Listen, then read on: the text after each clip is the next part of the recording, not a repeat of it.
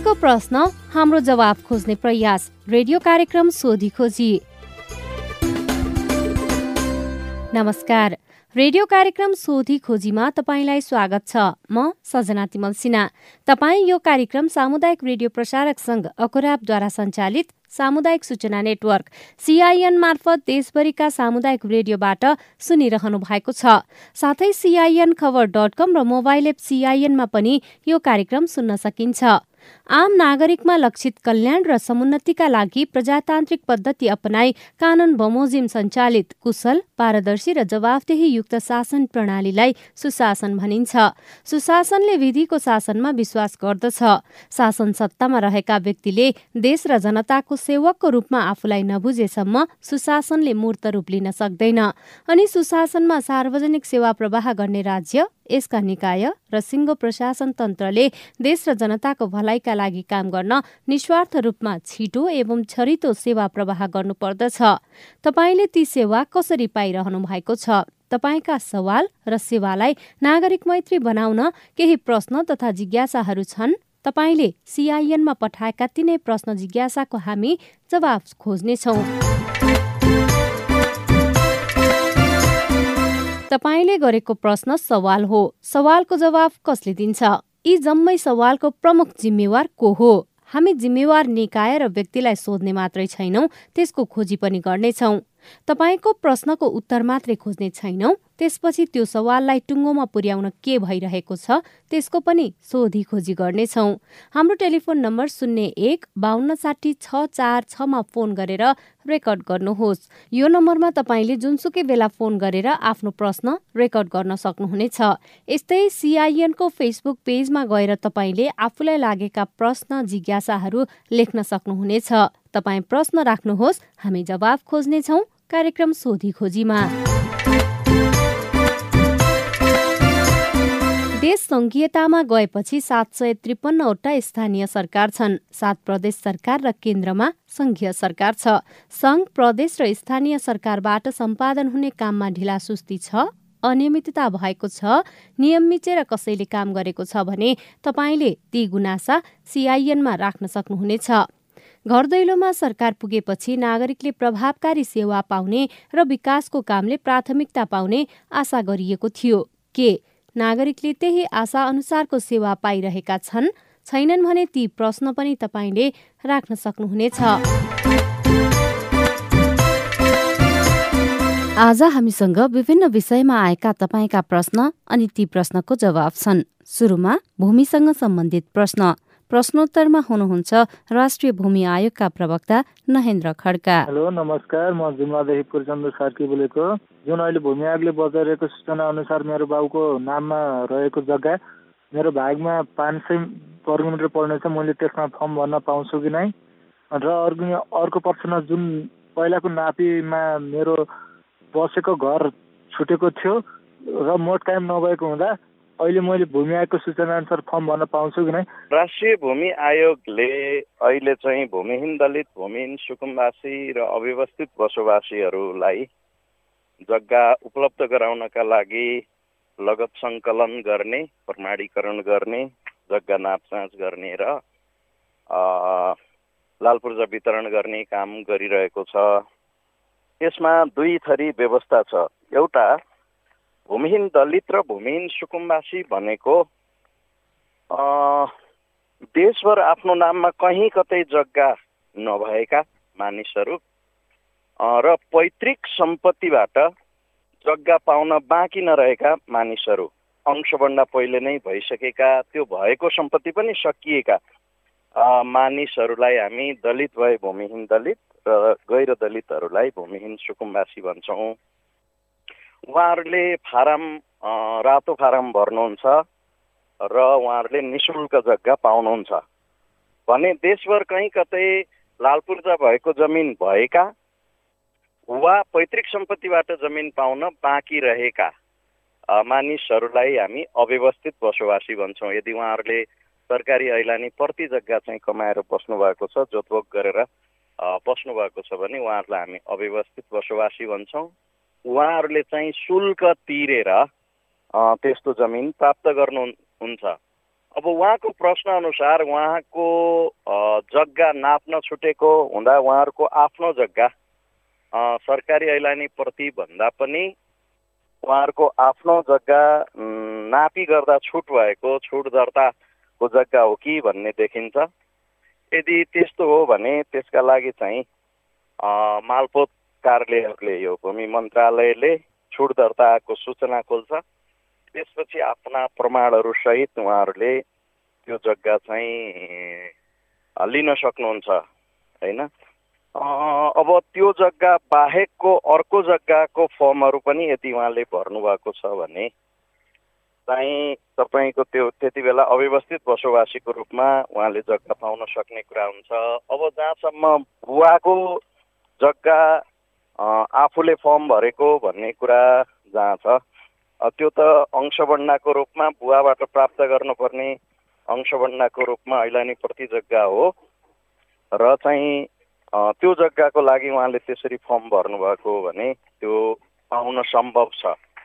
तर उहाँको छुट दर्ताको जमिन छ वा उहाँले पैतृक सम्पत्तिबाट नम्बरी जग्गा पाउन बाँकी छ यस्तो केस हो भने उहाँले अव्यवस्थितको रूपमा भर्न सक्नुहुन्छ। यसको बारेमा हामीले स्थानीय तहमा पर्याप्त तालिमहरू सञ्चालन गरेको छौँ। स्थानीय तहबाट पनि।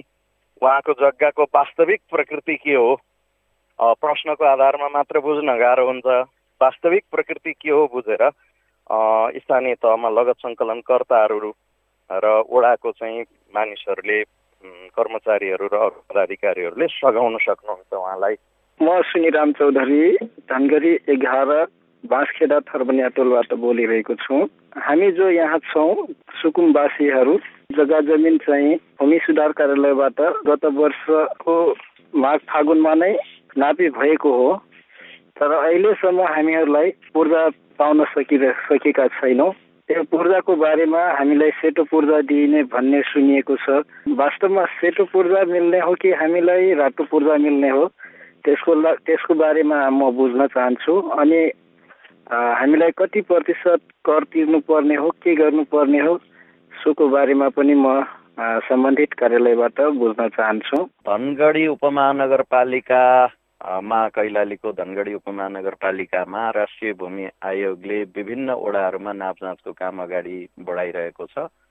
अघिल्लो वर्ष नै नापजाँच सकिएको भएमा अरू प्रक्रियाहरू छन् जस्तै चाहिँ यो उहाँहरू भूमिहीन दलित भूमिहीन सुकुम्बासी वा अव्यवस्थित बसोबासीहरू के हो भन्ने कुरा प्रमाणीकरण गर्नका लागि ओडाबाट सूचना प्रकाशन गर्नुपर्ने हुन्छ। त्यस्तै चाहिँ वडा समितिले ती सूचनाहरू यदि उजुर बाजुरहरू आयो भने तिनीहरूको स्थलगत चाहिँ अध्ययन गरेर छानबिन गरेर तिनीहरूको निरूपण गर्नुपर्छ। वडा स्तरीय सहजीकरण समितिले त्यो काम गर्छ। त्यसपछि वडा समितिले नापनक्सा सबै कम्प्लिट भइसकेपछि वडाको चाहिँ उहाँहरूले यो प्रमाणीकरण गरेर स्थानीय तहमा पठाउनुहुन्छ। स्थानीय तहले गर्नुपर्ने केही कामहरू हुन्छन्। जस्तै चाहिँ त्यो प्रयोजन सही छ वा छैन वर्गीकरण वडाले पठाएको वर्गीकरण सही छ वा छैन त्यस्तै चाहिँ उहाँहरूको क्षेत्र निर्धारण गर्ने हुन्छ। सहरी क्षेत्र सहरोन्मुख क्षेत्र ग्रामीण क्षेत्र लगायतको नगरपालिकाको सन्दर्भमा यदि चाहिँ यो गाउँपालिका हो भने पालिकाको केन्द्र भन्ने चारवटा छ। त्यो चिजहरू सबै हेरिसकेपछि स्थानीय तहले प्रमाणीकरण गरेर जिल्लामा पठाउँछ। र चाहिँ लाल पूर्जा बनाउने निर्णय गर्ने जग्गा दर्ता गर्ने लगायतका चाहिँ निर्णयहरू अगाडि बढ्छन्। अब एकपटक त्यहाँ पनि पत्रिकामा सूचना प्रकाशन गरेर प्रमाणीकरणको काम गरेर अगाडि बढाइन्छ। त्यसैले यो कामहरू हुन अब स्थानीय तहहरूले ओडाहरूले कामलाई अगाडि बढाएका छन् भने धेरै समय सामान्यतया लाग्दैन नापी भइसकेपछि। त्यो काम कहाँ पुगेको छ भनेर जानकारी लिनका लागि ओडामै उहाँहरूले चाहिँ यदि सोध्नुभयो भने त्यो काम कहाँसम्म पुगेको छ किन रोकिएको हो र कहिलेदेखि चाहिँ काम अगाडि बढ्छ र हामीले कहिलेसम्म लाल पूर्जा पाउन सक्छौँ भन्ने कुरा उहाँहरूले वडा कार्यालयमा नगरपालिकाको वडा कार्यालयमा सोध्नुभयो भने त्यहाँ चाहिँ वा चाहिँ नगरपालिकामै चाहिँ एउटा भूसेवा केन्द्र छ। यो भूमिहीन तथा व्यवस्थित बसोबासी सेवा केन्द्र छ। त्यहाँ चाहिँ सोध्नुभयो भने पनि नगरपा मान उपमहानगरपालिकाको कार्यालयमा त्यसबारेमा जानकारी प्राप्त गर्न सक्नुहुन्छ। जहाँसम्म लाल पूर्जाको विषय छ लाल पूर्जा हामीले रातो लाल पूर्जा नै दिन्छौँ। त्यसरी रातो लाल पूर्जा दिँदाखेरि चाहिँ त्यसमा दस वर्षसम्म बेचबिखन गर्न नपाउने कुरा चाहिँ लेखिएको हुन्छ। जस्तै अंशबन्डा भयो भने छोराछोरीहरूको नाममा नामसारी गर्ने कामहरू चाहिँ हुन्छ तर बेच्न चाहिँ बेचबिखन गर्न चाहिँ दस वर्षसम्म पाइँदैन। दस वर्षपछि पनि त्यो लाल पूर्जा खाली हुने गरेर यानि कि फेरि भूमिहीन वा फेरि सुकुम्बासी हुने गरेर बेच्न चाहिँ पाइँदैन। उहाँहरूले यसलाई बैङ्कमा सहकारीहरूमा धितोबन्धकको रूपमा राखेर ऋण लिन चाहिँ सक्नुहुन्छ। त्यसैले लाल पूर्जा रातो लाल पूर्जा नै हो। भूमिहीन दलित र भूमिहीन सुकुम्बासीको हकमा जसको देशभर कहीँ कतै लाल पूर्जा वा लाल पूर्जा भएको जमिन छैन उहाँहरूको हकमा सम्पूर्ण प्रक्रिया निशुल्क हुन्छ। लाल पूर्जा निवेदन दिनेदेखि लाल पूर्जा पाउनेसम्म उहाँहरूले कुनै पनि पैसा तिर्नु पर्दैन। तर देशभर कहीँ कतै लाल पूर्जा भएको जमिन भएका र सरकारी ऐलानी प्रति जग्गाहरू पनि लामो समयदेखि जोतभोग गरेर आवाद कमोद गरेर बसेका मानिसहरूको हकमा जसलाई हामी चाहिँ अव्यवस्थित बसोबासी भन्छौँ जसले सेतो फारम भर्नुहुन्छ। उहाँहरू चाहिँ त्यो सेतो फारममा नै दुई थरी विवरण हुन्छ। एक थरी चाहिँ मानिसको सम्पत्ति कति छ धन सम्पत्ति सुन चाँदी ब्याङ्क ब्यालेन्स सेयर कारोबार कुन पेसा अप्नाउने वैदेशिक रोजगारीमा गएर आयो कि नआएको छोराछोरीले सरकारी स्कुलमा पढ्छन् कि बोर्डिङ स्कुलमा लगायतका विवरणहरू छन् भने अर्कोतिर चाहिँ जमिन कस्तो खालको होइन उहाँको चाहिँ जमिनको प्रयोजन के हो? कुन क्षेत्रमा छ? सहरी क्षेत्रमा ग्रामीण क्षेत्रमा वा चाहिँ सहरोन्मुख क्षेत्रमा कहाँ छ भन्ने कुराहरू त्यहाँ सूचना हुन्छ। त्यसको आधारमा चाहिँ क्यालकुलेसन गरेर शुल्क निर्धारण हुन्छ। त्यसो गर्दा चाहिँ यो न्यूनतम रजिस्ट्रेसन शुल्कको जो मूल्याङ्कन दर रेट हुन्छ त्यसको आठ प्रतिशतदेखि दुई सय प्रतिशतसम्म रकम चाहिँ आउँदछ। यो चाहिँ अहिले हामी एउटा सिस्टम लन्च गर्दैछौँ। त्यो सिस्टमबाटै आउँछ। सिस्टम नहुन्जेल चाहिँ त्यसलाई हाम्रो जिल्ला समितिको साथीहरूले चाहिँ प्राविधिक रूपमा तयार गरेर निकाल्नुहुन्छ। त्यसो हुँदा अब मानिस पनि गरिब हो जमिन पनि ग्रामीण क्षेत्रको कृषि योग्य जमिन हो भने पैसा कम निस्कन्छ। मानिस पनि धनी छ जमिन पनि सहरको सहरमुख क्षेत्रको आवास प्रयोजनको यानि कि घर घडेरीहरू हो भने अलिकति बढी निस्कन्छ। त्यो शुल्क निस्किसकेपछि पनि जनतालाई चाहिँ मेरो घर घडेरीको चाहिँ कम आउनुपर्ने वा मेरो खेतबारीको पैसा कम आउनुपर्ने बढी आयो भन्ने लाग्यो भने त्यो सूचना प्रकाशित भइसकेपछि उहाँ प्रकाशित भइसकेपछि उहाँहरूले स्थानीय तहमा गएर गुनासो गर्न पाउनुहुन्छ। र गुनासो गर्दा यदि कुनै प्राविधिक त्रुटिका कारणले कुनै एउटा चिज लेख्नुपर्नेमा अर्को चिज लेखेको कारणले गल्ती भएको छ वा कुनै प्रमाणहरूको अभावले कुनै मूल्य बढी निस्केको छ भने त्यसलाई जिल्ला समितिले छानबिन गरेर सच्याउने काम गर्छ।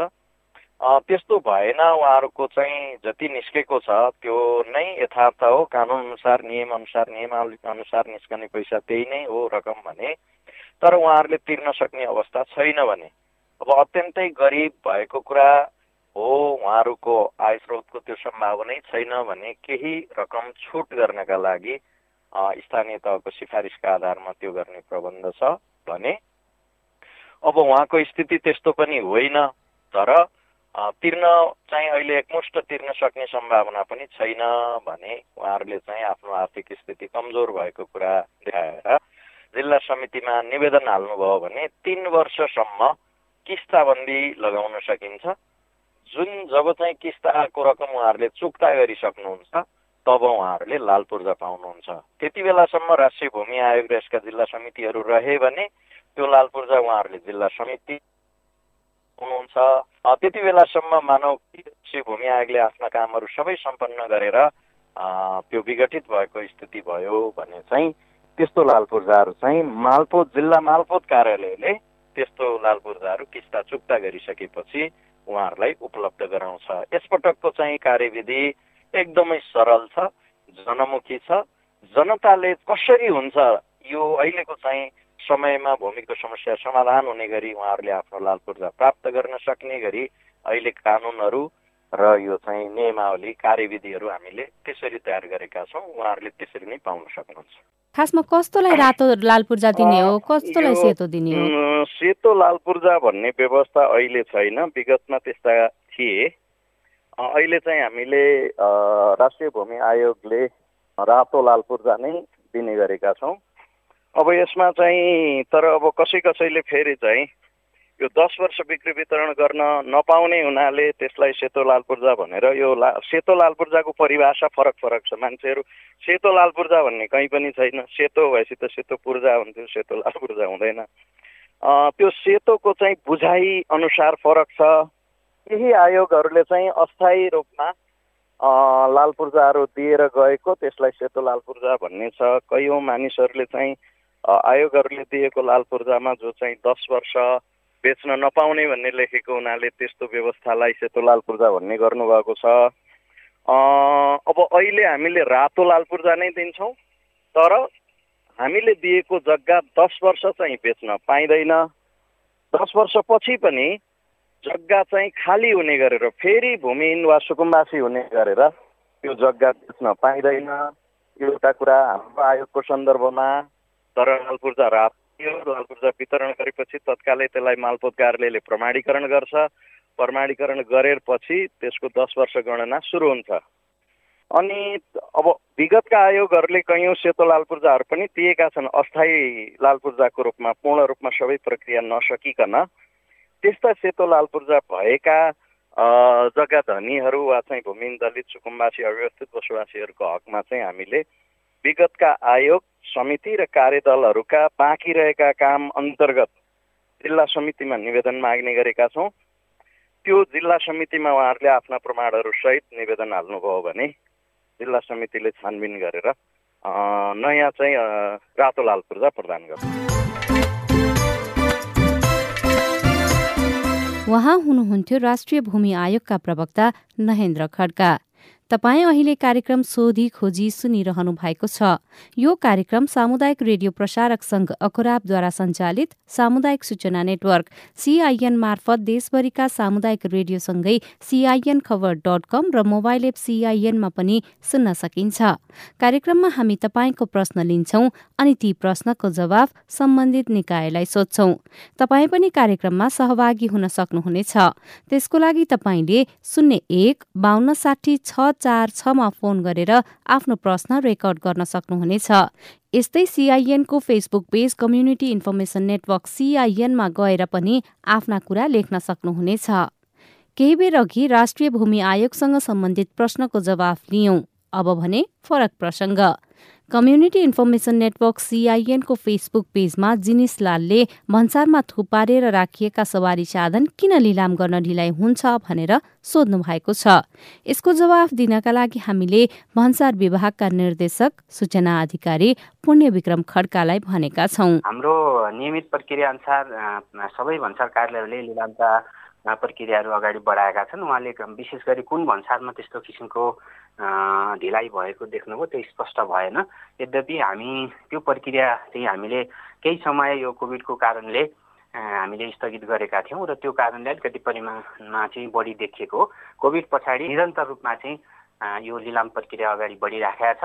अब जुन सङ्ख्यामा चाहिँ अहिले पछिल्लो चरणमा चार पाङ्रे सवारी साधनको हकमा लिलाम भन्दा पनि नेपाल सरकारले चाहिँ सहरी साधनहरू खरिद नगर्ने नगर्ने निर्णय गरेको हुनाले त्यसको लागि चाहिँ हामीले माग कलेक्सन गर्दै विभिन्न सरकारी निकायहरूलाई चाहिँ आफ्नो सरकारी प्रयोजनको लागि चाहिँ दिनुपर्ने भएको हुनाले हामी त्यसरी चाहिँ सूचनाहरू सङ्कलन गर्ने माग भएर आइसकेपछि दिनको लागि हामी त्यसरी कलेक्सन गरेका छौँ भने दुई पाङ्रे सहरी साधन जुन मोटरसाइकलहरूको हकमा हामीले प्राय गरी चाहिँ पुरानो हुने र त्यसलाई चाहिँ हामीले स्क्रापमा बेच्नुपर्ने धेरै चाहिँ त्यस्तो प्रकृतिका हुने हुनाले त्यसलाई प्राविधिक मूल्याङ्कन गरेर सार्वजनिक सूचना गरेर निकाल्ने के अरे निलाम गर्ने प्रक्रियामा सधैँ भन्सार कार्यालयहरू निरन्तर लागिराखेका हुन्छन् र आउने मुद्दाहरू आउने र त्यो कलेक्सन हुने र फेरि पुरानो सामानहरू लिलाम हुँदै जाने हुनाले भन्सारमा उहाँले भने जस्तै ठ्याक्कै गोदाममा कहिले पनि रित्तो चाहिँ हुँदैन। निरन्तर भइरहन्छ र त्यस्तो गतिविधिहरू यदि कुनै भन्सार कार्यालयहरूमा नभएको उहाँलाई महसुस भएको छ भने त्यो चाहिँ त्यो कुन भन्सार कार्यालय हो भनेर हामीलाई भनिदिनु भयो भने हामी त्यसलाई तत्काल चाहिँ कार्यान्वयनमा लैजाने छौँ भन्सारमा आउने भनेको भन्सार चोरी पैसारीसँग सम्बन्धित सहरी साधनहरू मात्रै भन्सार कार्यालयहरूमा आउने र त्यसलाई जफत कानुनी प्रक्रिया पुरा गरेर जफत गर्ने र लिलाम गर्ने प्रोसेस गरिन्छ। उहाँ हुनुहुन्थ्यो भन्सार विभागका निर्देशक एवं सूचना अधिकारी पुण्य विक्रम खड्का। अब भने नेपालमा भइरहेको जलचरा गणनाको प्रसङ्ग। ललितपुरबाट दीपक बजगाईले नेपालमा कहाँ र कसरी चरागणना भइरहेको छ भनेर जिज्ञासा राख्नु भएको छ।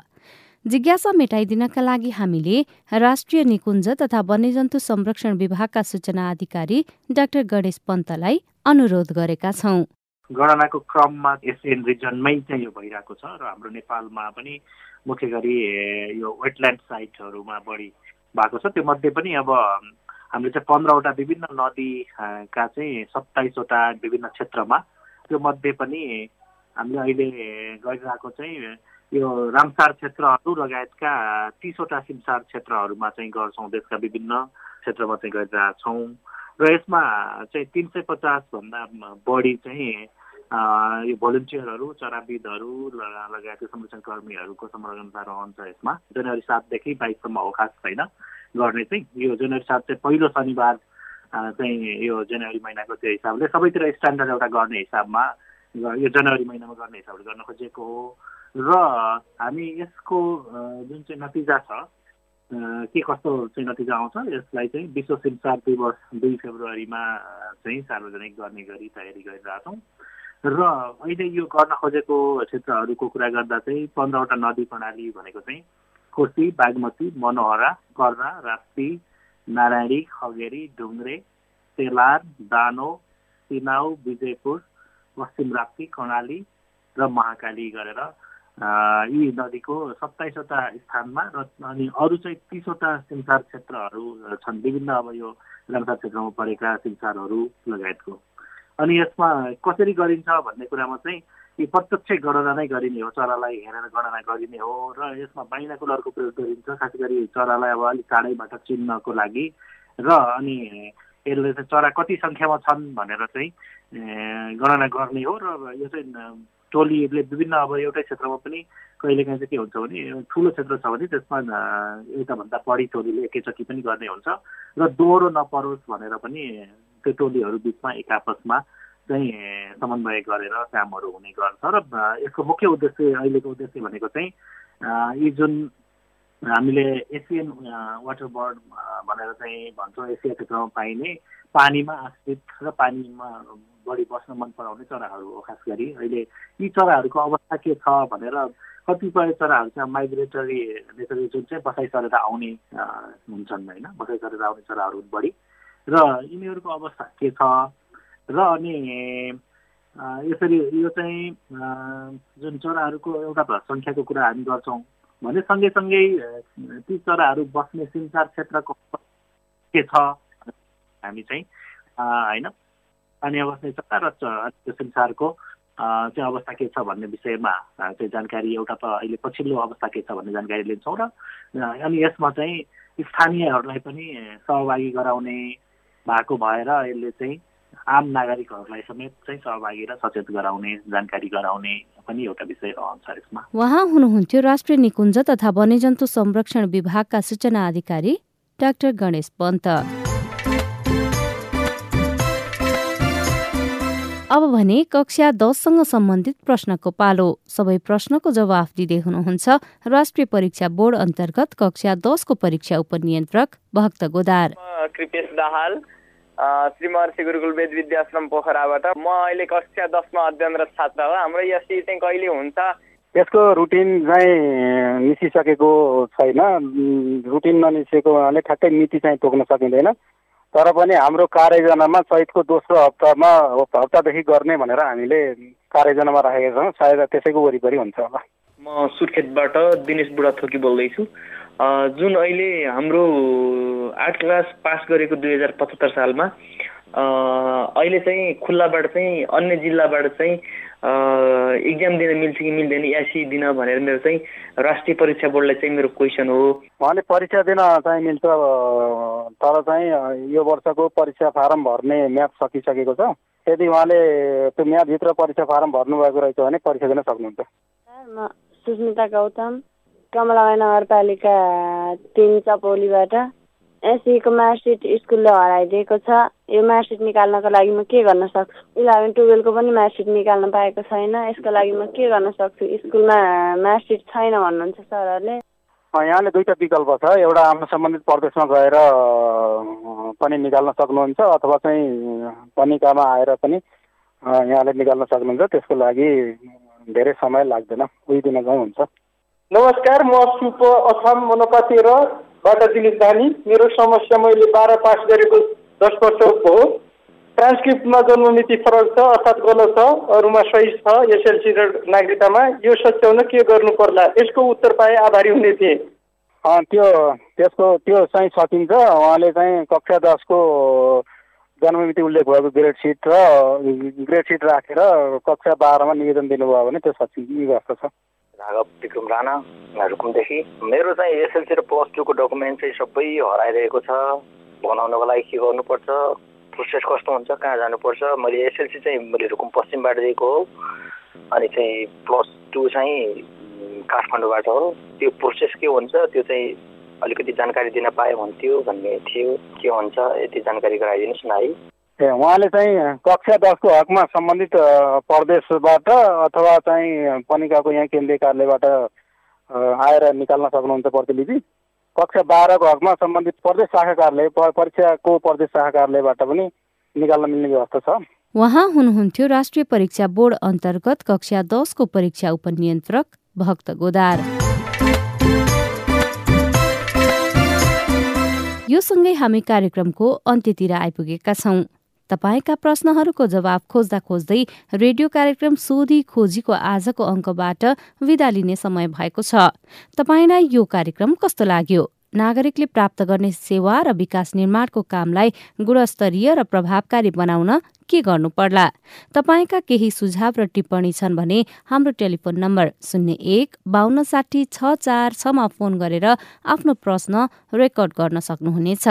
यस्तै सिआइएनको Facebook page community information network सिआइएनमा गएर पनि आफ्ना कुरा लेख्न सक्नुहुनेछ। तपाईँ प्रश्न राख्नुहोस् हामी जवाफ खोज्नेछौ कार्यक्रम सोधी खोजीमा। यो कार्यक्रमलाई थप प्रभावकारी बनाउन तपाईँको सुझाव महत्वपूर्ण हुनेछ। हेलो सिआइएनमा हरेक दिन र रेडियो कार्यक्रम मार्फत अर्को हप्ता तपाईँका प्रश्नको जवाफ खोज्दै आइपुग्नेछौ। आजका लागि प्राविधिक साथी सुभाष पन्तलाई धन्यवाद। अहिलेको रेडियो कार्यक्रम सोधी खोजीबाट सजना तिमल सिना विदा हुन्छु। प्रश्न सोध्न अप्ठ्यारो नमानौ। नमस्कार।